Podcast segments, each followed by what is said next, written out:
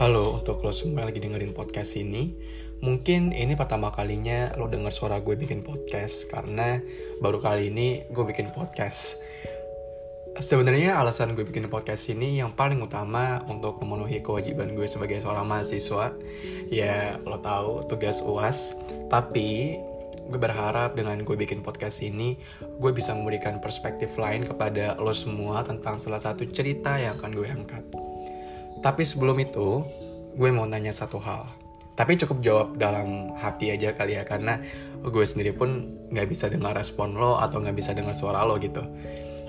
Nih yang pertama, kira-kira apa sih yang ada di pikiran lo ketika bertemu orang baru yang punya perbedaan sama diri lo gitu? Mungkin bisa dari sisi looknya dia, atau cara ngomong, atau hal lain yang lo rasa ada perbedaan antara diri lo dan dia gitu. Misal nih kalau gue, gue sempat shock ketika pindah dari Jawa Timur terus ke Depok karena kuliah gitu ya. Bahasa dan cara ngomong dari teman-teman gue di Jabodetabek itu sangat jauh berbeda dengan lingkungan gue waktu di Jawa Timur karena ya gue dulu pakai bahasa Jawa gitu dan ketika gue pindah ke Depok harus pakai bahasa Indonesia dan dengan apa ya beberapa logat yang gue rasa cukup khas gitu khas anak Jabodetabek. Atau mungkin pernah gak sih lo kepikiran gitu random?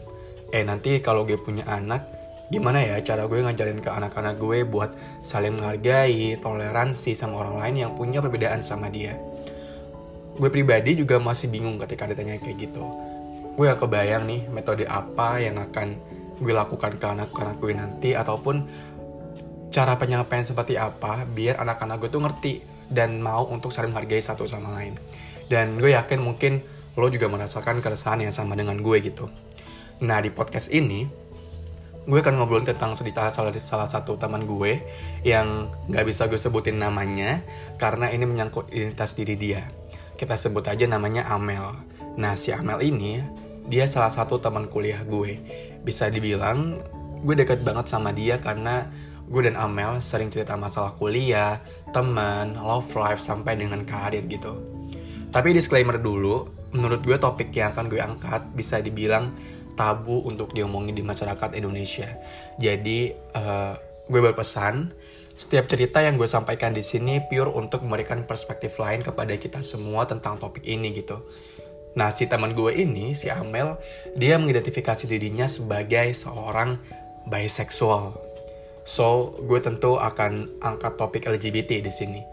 Hal yang gue ceritakan di sini lebih melihat bagaimana perspektif dari Amel ketika dia menjadi seorang bisexual yang notabene adalah bagian dari kaum minoritas yang sering mendapatkan pelakuan diskriminasi dan intoleran gitu ya.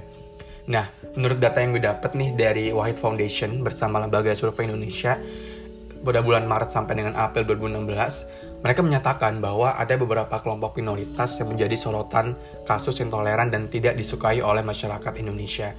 Nah, salah satunya itu yaitu kaum LGBT atau kaum lesbian, gay, bisexual, dan transgender. Dan mereka ini adalah kaum yang menduduki posisi pertama dengan jumlah 26,1% untuk urusan uh, diskriminasi dan intoleran gitu. Oke, okay, ini gue udah ngomong panjang lebar tapi belum masuk juga ke ceritanya. So uh, let's go. Gue akan cerita cerita dari teman gue si Amel ini. Nah ngomongin masalah identitas diri si Amel ini dia bilang ke gue dia adalah seorang bisexual jadi ceritanya uh, kita throwback dikit. Waktu itu kita lagi deep talk di WhatsApp. Terus tiba-tiba si Amel ini bilang gue mau cerita sesuatu lo. Ya gue sebagai orang yang sering diceritain sama dia masih merasa normal-normal aja gitu sampai akhirnya dia bilang gue bisex dan gue punya pacar. Wah di situ gue posisinya tuh terharu kaget seneng bingung dan gue diem kayak orang tolol. Paham gak sih? Kayak lo dapat kabar yang gak pernah lo pikirin sekalipun karena yang selama ini lo tahu si Amel ini juga punya mantan mantan cowok gitu tapi di satu sisi gue ngerasa gue seneng banget gitu. Karena gue merasa gue adalah orang yang spesial di mata dia gue orang yang dipercaya buat tahu rahasia besar di hidup dia atau mungkin nggak semua teman-teman dekat dia itu tahu gitu. Dan gue terharu waktu dia bilang kayak gitu. Artinya kita benar-benar dekat gue dia percaya kalau misalkan gue bisa menjaga rahasia terbesar dia gitu dan setelah dia ngomong seperti itu di situ gue tentu sedikit penasaran gitu. Kenapa kenapa dia bisa memiliki apa ya perasaan untuk punya identitas sebagai seorang biseksual? Dan sejak kapan dia merasa kayak gitu? Nah di sini si Amel ini cerita. Dia throwback itu waktu dia masih kecil. Amel merasa intensi dia untuk suka ke cewek udah ada sejak dia kecil waktu main Barbie. Amel justru membayangkan mungkin kalau misal jadi kalau misal cewek gitu ya dia membayangkan untuk mendapatkan seorang pangeran gitu. Tapi si ML ini dia justru membayangkan untuk menjadi pangerannya. Dan mungkin ini sedikit shock bagi gue pribadi karena oke okay, ternyata ada ya kayak gitu. Nah waktu SMP ini waktu SMP kelas 7 kelas 8 kalau nggak salah Amel ini punya circle isinya cewek semua. Tapi ada satu cewek yang lebih deket sama Amel dan si Amel ini sering banget kasih effort lebih ke temannya yang satu ini. Kayak maksudnya di antara teman-temannya yang lain dia lebih kasih banyak perhatian lebih kasih banyak apa ya bisa dibilang effort-effort yang menunjukkan pertemanan yang lebih ke si cewek ini. Sampai Amel tuh nganterin dia pulang sekolah selalu kasih kado yang lebih bagus daripada teman yang lain. Tapi di situ Amel merasa ini hal yang wajar gitu. Karena ya selayaknya hubungan sahabat aja gitu. Gue pribadi pernah dapat omongan dari orang-orang kalau orang LGBT itu bisa dipengaruhi oleh lingkungan. Banyak banget yang bilang kayak gitu. Tapi waktu gue tanya ke Amel, dia membantah itu karena selama ini ya dia berada di lingkungan heteroseksual dan teman-temannya juga nggak ada yang suka ke sesama jenis gitu. Jadi menurut dia mungkin tuh sedikit keliru ketika orang bisa bilang LGBT itu dipengaruhi oleh lingkungan. Nah, si Amel ini merasa dia baru benar-benar yakin mengidentifikasi diri sebagai biseksual saat kuliah. Karena waktu SD, SMP, SMA, Amel merasa ke teman ceweknya itu sebagai bestie aja dan nggak ada istilah biseksual gitu ya mungkin di sini gue ngerti kondisi dari Amel karena ya siapa sih anak SD anak SMP yang udah kenal istilah biseksual kecuali orang tuanya emang kasih pemahaman tentang itu gitu. Si Amel ini awalnya bingung. Dia nggak tahu gimana cara membuktikan kalau dia biseksual yang suka cowok dan suka cewek gitu. Dia nggak pernah pacaran sama cewek dan bahkan punya beberapa temen cowok mantan cowok maksud gue yang kayak gue bilang tadi. Amel juga merasa LGBT bukan sebuah penyakit gitu. Kalau misal dia mau minta bantuan ke psikolog ya juga ngapain karena Amel merasa baik-baik aja dan tidak perlu untuk disembuhkan. Tapi Amel bilang, mungkin ini tergantung orangnya gitu ya. Ada orang yang gak nyaman sama identitas sebagai seorang LGBT, makanya dia ke psikolog gitu. But anyway, I did a research juga tentang LGBT. Apakah LGBT itu sebuah penyakit atau bukan gitu. Setelah gue cari-cari di internet gitu ya, ini menurut WHO ya yang gue tahu dulu tuh tahun 1977 homoseksuality itu termasuk ke dalam penyakit. Jadi ada list gitu WHO itu punya list uh, list penyakit yang ya di, dikategorikan sebagai sebuah penyakit gitu. Tapi pada tahun 1990 WHO menghapus homoseksualitas dari daftar penyakit. Karena orientasi seksual itu bukan termasuk penyakit Kemudian setelah gue mendengar perasaan Amel tentang identitasnya sebagai biseksual, gue pribadi mungkin kalau ada di posisi Amel akan bertanya-tanya gitu. Kenapa ya Tuhan ngasih gue cobaan kayak gini gitu? Kenapa harus gue? Kenapa harus muncul perasaan suka ke cowok dan suka ke cewek gitu? Mungkin gue akan sedikit denial dan gue akan sedikit bertanya-tanya mengenai hal itu. Tapi si Amel ini dia lebih merasa heran dan lucu gitu. Dia lahir di suku mayoritas yaitu suku Jawa dan masih ada apa ya darah darah keraton istilahnya. Dia bilang apa kata orang keraton kalau misal tahu keturunannya ada yang kayak begini? Dia juga punya orang tua yang konservatif gitu. Gue pribadi sebagai teman dekatnya waktu dengar ini jujur agak nyesek gitu dalam artian mungkin gue nggak paham betul posisi Amel tapi gue merasakan betapa susahnya dia dan betapa beratnya beban yang dia rasakan sendiri ketika orang terdekat dia, yaitu keluarga dia tuh punya prinsip yang jauh bertolak belakang dengan diri dia sendiri. Oh iya, si Amel ini um, sekarang posisinya lebih bahagia dan lebih bersyukur. Dia lebih happy ketika menjalin hubungan dengan pacar ceweknya yang sekarang. Dia bersyukur karena dia sama pacar ceweknya jarang berantem gitu. Dia merasa Tuhan adil karena di saat dia stres dengan kuliah, di saat dia stres dengan kehidupan kampusnya dan ingin mencoba hal-hal baru, dia punya sosok pacar yang selalu dukung dan kasih motivasi ke dia. Dia juga bersyukur banget karena punya teman dekat yang menghargai dan suportif dengan pilihan hidup dia. Ini nih cuy, menurut gue punya teman dan lingkungan suportif itu yang saling menghargai pilihan uh, temennya itu priceless banget kan. Itu menurut gue adalah sebuah privilege gitu. Karena nggak semua orang di luar sana mungkin terutama teman-teman dari komunitas LGBT yang punya privilege yang sama seperti Amel gitu. Tapi anyway ngomongin masalah lingkungan jadi beberapa hari yang lalu gue sempat survei ke teman-teman gue di second account Instagram gue. Gue bikin story dan di situ gue nanya bagaimana pendapat mereka tentang isu LGBT dan dari jawaban mereka itu apa ya yang gue dapat sangat menarik dan beragam tapi ada juga beberapa yang bikin gue sedih waktu itu. Kayak misal um, ada yang bilang intinya adalah itu terserah mereka itu pilihan mereka gitu. Tapi ada juga yang bilang mereka nggak bisa menerima LGBT, mereka merasa jijik, mereka merasa geli, dan mereka benci banget sama LGBT karena uh, teman gue ini bilang kalau dia sempat jadi sasaran dari orang-orang gay gitu, makanya dia benci banget sama LGBT. Gue sebagai orang yang baca itu ada perasaan bahagia karena ya banyak teman-teman gue yang udah menunjukkan sikap saling menghargai, toleransi, tapi ada juga beberapa yang istilahnya masih geli dan jijik sama LGBT. Dari sini ada satu hal yang gue rasakan.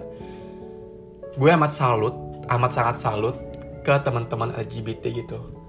Menurut gue mereka adalah orang yang paling kuat karena mereka bisa menghadapi berbagai macam kebencian dan diskriminasi sedangkan diri mereka sendiri juga harus berjuang buat tetap tegar gitu bayangin kayak lo harus menerima hujatan-hujatan itu mulai dari lingkungan sekitar lo atau mungkin lo buka sosial media dan yang lain sebagainya. Amel cerita kalau misal ngeliat di masyarakat luas itu keras banget perdebatannya tentang LGBT. Di Indo itu kontranya mereka kontra yang jelas-jelas attack gitu. Mungkin kalau di negara lain itu nggak yang terlalu attack ke LGBT-nya dan lebih humanis gitu ketika ada perdebatan. Tapi di Indo ini lebih attack karena ya mungkin seperti yang kita tahu selalu bawa-bawa masalah agama, bawa-bawa masalah dosa gitu kesannya. Amel merasa LGBT ini ngeganggu banget di kehidupan mereka gitu, di kehidupan orang-orang lingkungan sekitar. Dan ketika mendengar cerita Amel tentang bagaimana dia menyadari bahwa dia seorang bisexual, Amel cerita dia sempat denial dengan keadaan. Dia merasa nggak mungkin dia seperti itu. Dia takut dan salah satu bentuk denial dia adalah dia punya pacar cowok waktu itu. Yang memang gue tahu dan Amel cerita ada beberapa mantan cowok memang di kehidupan dia. Nah di sini gue sebagai temennya dia, gue semakin penasaran gitu. Gimana cara Amel untuk bertahan buat self acceptance yang menurut gue pasti nggak mudah gitu. Dan kalau dari Amel pribadi, Amel merasa proses self acceptance ini sangat didukung sama teman-teman dia. Dia bilang kayak gini, si Amel, It's okay if you're bisexual. Selama lo bahagia, ya lakukan apa yang menurut lo benar gitu. Toh juga gue masih tetap sholat, ibadah, gue masih berdoa sama Tuhan, ini hanya identitas diri gue dan gak akan mempengaruhi hubungan gue ke pencipta ataupun ke sesama manusia. Itu kata-kata dari Amel yang sedikit menampar gue dan selalu apa ya jadi pengingat diri gue juga gitu. ketika gue tanya apakah dia pernah merasa terdiskriminasi secara langsung ataupun tidak langsung, Amel jawab, dia bersyukur lingkungan dia di kampus nggak pernah mempermasalahkan identitas dia dan sampai membenci dia. Amel kadang suka gemes sama orang-orang yang menganggap LGBT ini seolah-olah salah banget dan menganggap LGBT itu perbuatan immoral yang dosa banget sampai mereka tuh nggak ngelihat perbuatan immoral yang lainnya. Amel ngasih contoh kayak misal tawuran ataupun kekerasan seksual yang menurut dia itu justru lebih parah gitu. Contohnya misal kekerasan seksual tuh juga bisa apa ya berdampak ke hak asasi manusia dan lain sebagainya gitu. Dan bahkan sampai menyebabkan trauma bagi si korban.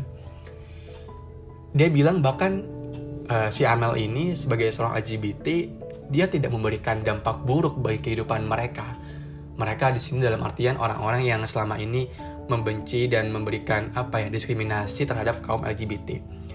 Banyak yang attack dia seolah-olah LGBT itu ibaratnya sampai ngebunuh orang gitu perilakunya. Gue di sini paham posisinya karena ya gue main sosial media, gue baca-baca komen di Twitter, Instagram, sampai di TikTok karena belakangan ini di, di TikTok viral banget masalah couple-couple gay, couple lesbian yang mereka memang udah mulai go public gitu ke masyarakat. Dan ketika gue ngeliat uh, section komen itu wah banyak banget komen-komen yang menurut gue kayaknya kalau gue jadi mereka gue nggak sanggup gitu uh, menerima berbagai macam komen negatif itu. Dan di sini Amel hanya berharap meskipun masyarakat ini punya value sendiri, yang paling penting adalah saling menghargai dan gak usah nge-attack dia sebagai bagian dari kaum LGBT dengan dalil dosa, penyakit, jijik, geli, pembawa bencana. Karena dia cuma pengen toleransi yang lebih besar dari masyarakat Indonesia. Gitu. Dari cerita Amel tadi, jujur gue pribadi jadi lebih tahu apa ya pandangan dari sisi dia sebagai bagian dari LGBT seperti apa gitu karena selama ini kan gue hanya terpapar dengan bagaimana masyarakat Indonesia ngejudge atau nge-attack orang-orang dari LGBT tapi sedikit dari masyarakat Indonesia yang tahu bagaimana perasaan dari teman-teman LGBT itu sendiri banyak hal yang membuat pikiran gue jauh lebih terbuka dan gak gampang untuk ngejudge orang lain. Dan mungkin lo juga mendapatkan hal baru dari cerita Amel. Tapi ada satu hal, satu pesan yang ingin gue highlight di sini. Kalau lo adalah seorang heteroseksual, ayo kita bareng-bareng untuk saling menghargai mereka, saling menunjukkan toleransi kepada mereka yang menjadi bagian dari kaum minoritas, khususnya di sini adalah LGBT jangan lupa untuk ayo saling memanusiakan manusia selama mereka tidak merugikan diri lo gitu. Bersikaplah baik terhadap sesama. Itu yang paling penting. Dan untuk teman-teman LGBT di luar sana, gue mungkin gak tahu gimana perasaan lo saat ini. Tapi gue paham ini gak mudah dan ini berat gitu. Gue selalu berdoa semoga lo selalu diberikan kekuatan dan juga saling menghargai ke teman-teman heteroseksual lainnya karena um, ya sebagai balik lagi sebagai sesama manusia harus saling menghargai dan jangan sampai lo malah menjerumuskan teman-teman heteroseksual untuk menjadi uh, homoseksual ya intinya saling menghargai pilihan satu sama lain aja gitu karena at the end of the day love is love everyone should have the same opportunities to love whoever they want So, sekian podcast gue. Thank you banget untuk lo semua yang udah dengerin podcast ini dan semoga ada manfaat yang bisa lo dapatkan waktu dengerin podcast gue gitu. Dan di kondisi yang sekarang, stay safe buat lo, jangan lupa pakai masker, jaga jarak dan cuci tangan. So, bye guys, see you at another episode. Kalau misal memang nanti gue akan bikin podcast selanjutnya gitu ya.